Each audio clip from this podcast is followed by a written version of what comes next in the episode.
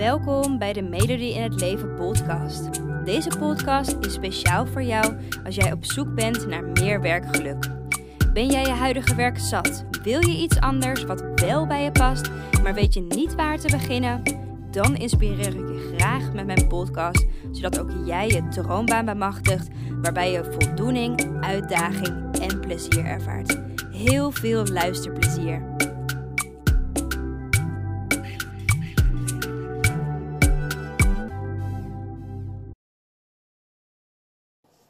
Hey, super dat je weer luistert naar een nieuwe podcast. Ehm, vandaag wil ik het hebben met je over werkstress. hoe herken je nou werkstress? Um, wat zijn de symptomen van werkstress? En ehm, ik denk dat het super belangrijk is dat je weet wat die symptomen zijn, uh, voordat je er natuurlijk iets aan kan doen.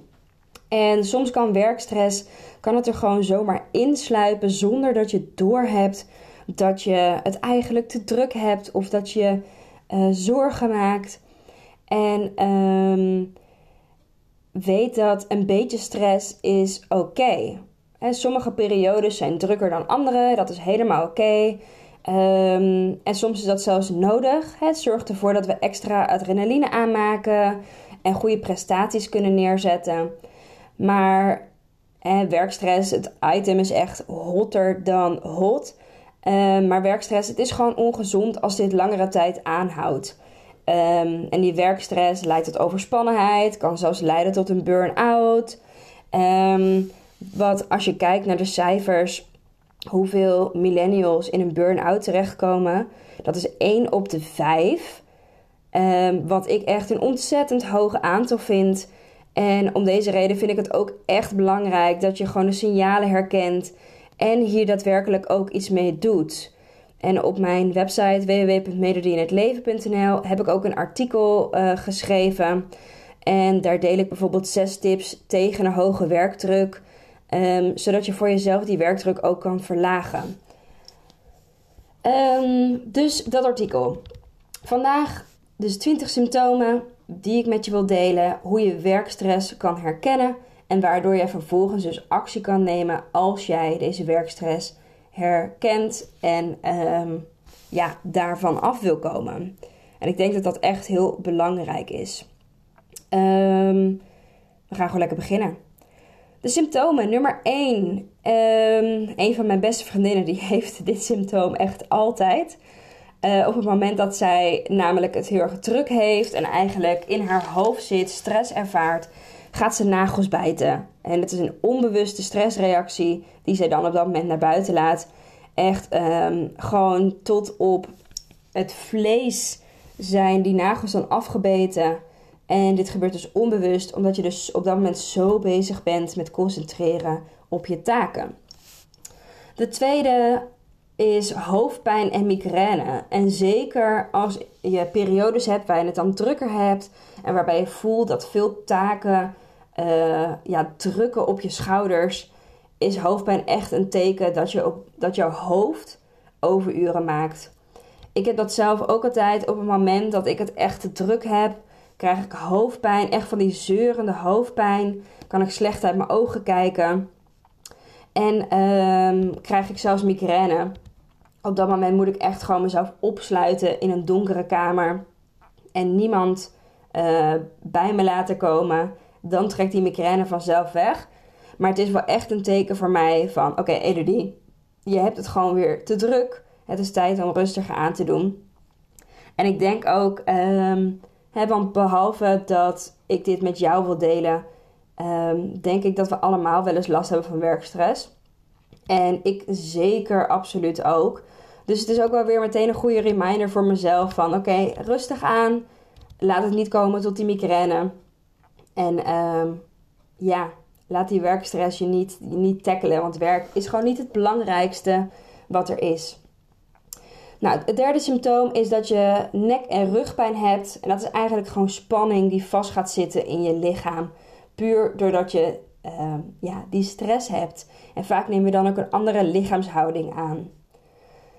Een vierde symptoom is dat je heel veel lijstjes gaat maken.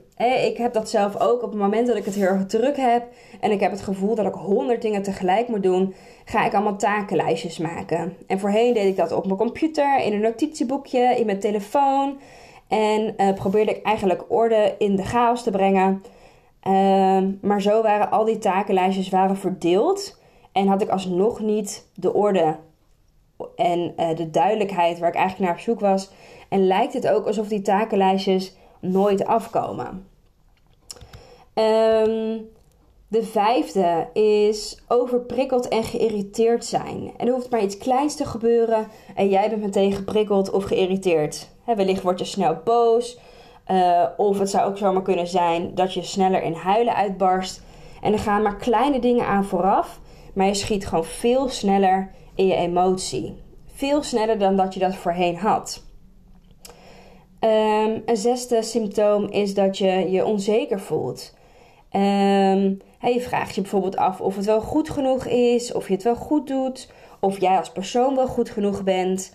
En je zal merken dat je die gevoelens niet alleen op je werk ervaart, maar ook thuis. Het kan voelen alsof je iedereen teleurstelt, omdat je alle ballen hoog aan het houden bent en dus nergens echt uh, ja, committed naar bent. En dat maakt je dus ook onzeker. Nummer 7 is onrustig. En uh, dat is natuurlijk heel erg logisch, want je wil graag voldoen aan die verwachtingen. Je wil graag alle taken wil je volbrengen bij je werk. Um, en is het dus heel erg logisch dat je je moeilijk kan ontspannen. Je wil de hele tijd werken aan die taken, je zit ermee in je hoofd. En um, ook op de gekste tijden, dat je er eigenlijk niet mee bezig hoeft te zijn, pop uh, die taken in je hoofd. He, zoals bijvoorbeeld een zondagochtend. En op dat moment is het dan gewoon belangrijk dat je ook gaat leren hoe je meer kan ontspannen.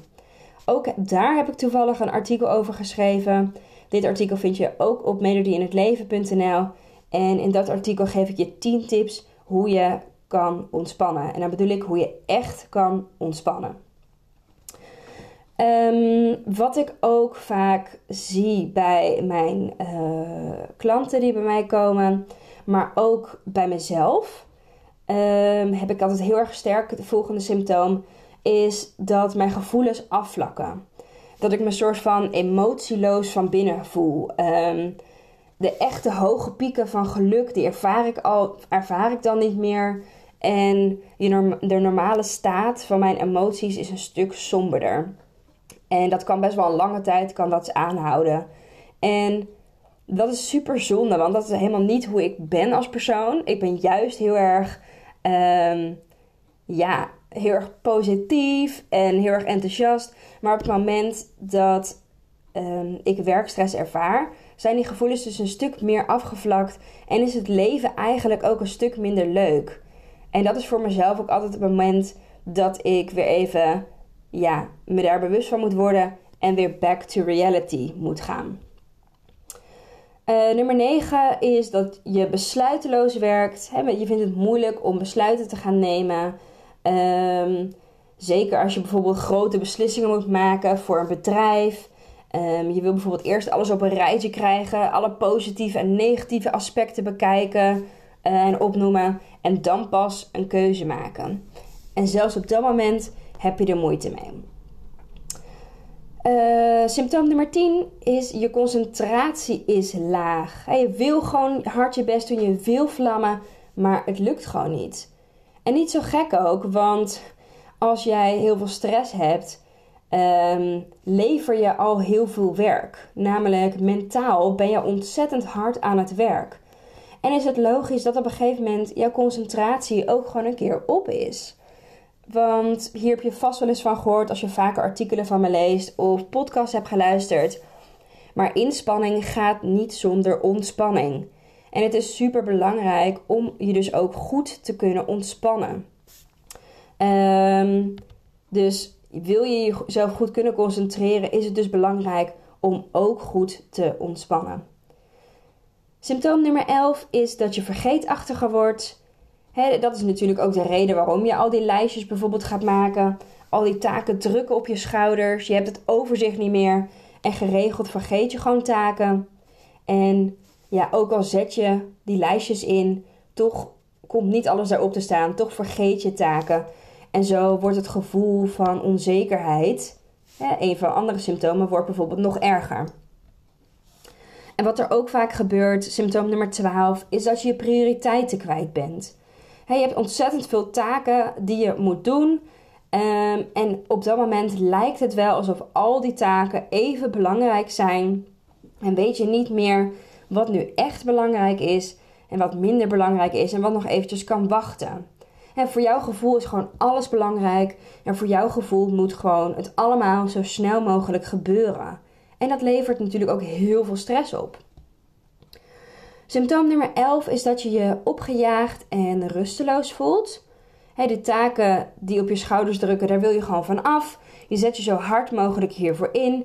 Ehm, maar dat zorgt er wel voor dat je je heet het opgejaagd voelt. Omdat die, omdat die lijst, die takenlijst en al die taken nog aan, uh, aan het wachten zijn op jou. En zo ben je dus altijd on the go.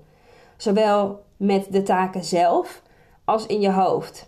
En een van de dingen waarin ik dat bijvoorbeeld herken van mezelf, is dat ik het dan lastig vind om bijvoorbeeld pauze te gaan nemen.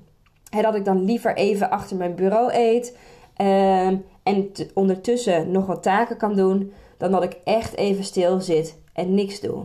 En dat is voor mij echt een teken van, oh ja, shit, die werkstress, yep, ik zit er weer middenin. Een ander symptoom is zweten en slecht slapen. Doordat je dus dat je hoofd overuren maakt, wordt het slapen lastiger. Uh, in slaap komen wordt lastiger, omdat je nog ligt te malen. Ehm, maar ook zomaar tijdens het slapen kan je zweetaanvallen krijgen. Um, en die zweetaanvallen komen dus gewoon van de stress. Nou, niet zo logisch dat symptoom 12, uh, eh, sorry, symptoom 15 er dan dus ook is. En dat is dat je moe bent. Want het is niet zo gek dat als je heel erg slecht slaapt um, en je hoofd overuren maakt, dat je gewoon eigenlijk hartstikke moe bent. En dat is niet moe van een nachtje niet goed kunnen slapen. Het is echt een vorm van je chronisch moe voelen. En elke dag jezelf wakker houden met koppen koffie, Red Bull um, en ongezonde voeding met veel suikers om toch je werk te kunnen leveren. Nou, daaraan um, is ook symptoom nummer 16 gekoppeld. Want veel van ons, als we werkstress hebben, komen we aan of vallen we juist af. sommige mensen eten juist meer als ze stress hebben. En anderen eten juist minder of eten nou ja, bijna niet meer op het moment dat ze stress ervaren. Um, en ook zie je zelfs dat als mensen heel erg veel werkstress hebben, dat ze meer drugs gaan uh, nuttigen of überhaupt drugs gaan nuttigen. Dat ze meer alcohol of überhaupt alcohol gaan nuttigen om het draaglijker voor zichzelf te gaan maken. Maar weet dat alcohol, drugs, uh, voeding, of je het nou wel of niet neemt, dat dat vluchtroutes zijn. En dat het eigenlijk een signaal is dat het mentaal, dat je werkstress aan het ervaren bent. Kan natuurlijk ook iets anders zijn, um, maar we hebben het nu natuurlijk op dit moment over werkstress. Signaal nummer 17 zijn hartkloppingen. Um, en dat is echt best wel heftig, want je stress die kan dus zo hoog oplopen dat je er dus hartkloppingen van krijgt. Um, net als bij dat adrenaline door je lichaam giert, uh, alsof er een wilde leeuw voor je staat, heb je dat gevoel nu richting je werk. En um, dit is wel echt een signaal dat als jij die hartkloppingen regelmatig hebt, dat je daar nu verandering in dient te brengen. Die hartkloppingen weet dat dat gewoon niet oké is, niet normaal is als dat vanuit stress uh, komt. En met niet normaal bedoel ik niet dat het niet bestaat, maar ik bedoel dat het gewoon niet oké is en dat daar verandering in moet komen. Nummer 18 is piekeren. Nou, die lijkt me denk ik heel erg voor zich spreken. Um, want je hoofd die maalt zelfs tijdens het avondeten, in het weekend, voor het slapen. Um, en piekeren is nou eenmaal een groot kenmerk van veel werkstress. Nummer 19, we zijn er bijna, is dat je je gevoel voor humor verliest. En omdat je dus zo opgaat in je taken, ben je voornamelijk serieus bezig. je staat altijd aan uh, in je hoofd om te presteren en om dingen af te ronden. En dit zorgt ervoor dat er minder ruimte is in je hoofd voor humor en om grapjes te maken. En de echte lol, die, die is er gewoon vanaf. Die heb je op dat moment niet meer. Nummer 20, de laatste, is dat je het lastig vindt om nog creatief te kunnen zijn. je vindt het lastig om met creatieve oplossingen en ideeën te komen. En ja, het wordt wel echt de uitdaging om nog vindingrijk te kunnen zijn als je werkstress ervaart. Um, dus dit waren de 20 symptomen op het moment dat jij werkstress op je werk hebt. En aan deze 20 symptomen kan je dus herkennen eh, dat je werkstress hebt. En kan je dus ook hopelijk die burn-out voor zijn. En um, dat herkennen, wat ik je ook al zei, is wel echt een eerste stap. De volgende stap is uiteraard die werkstress aanpakken.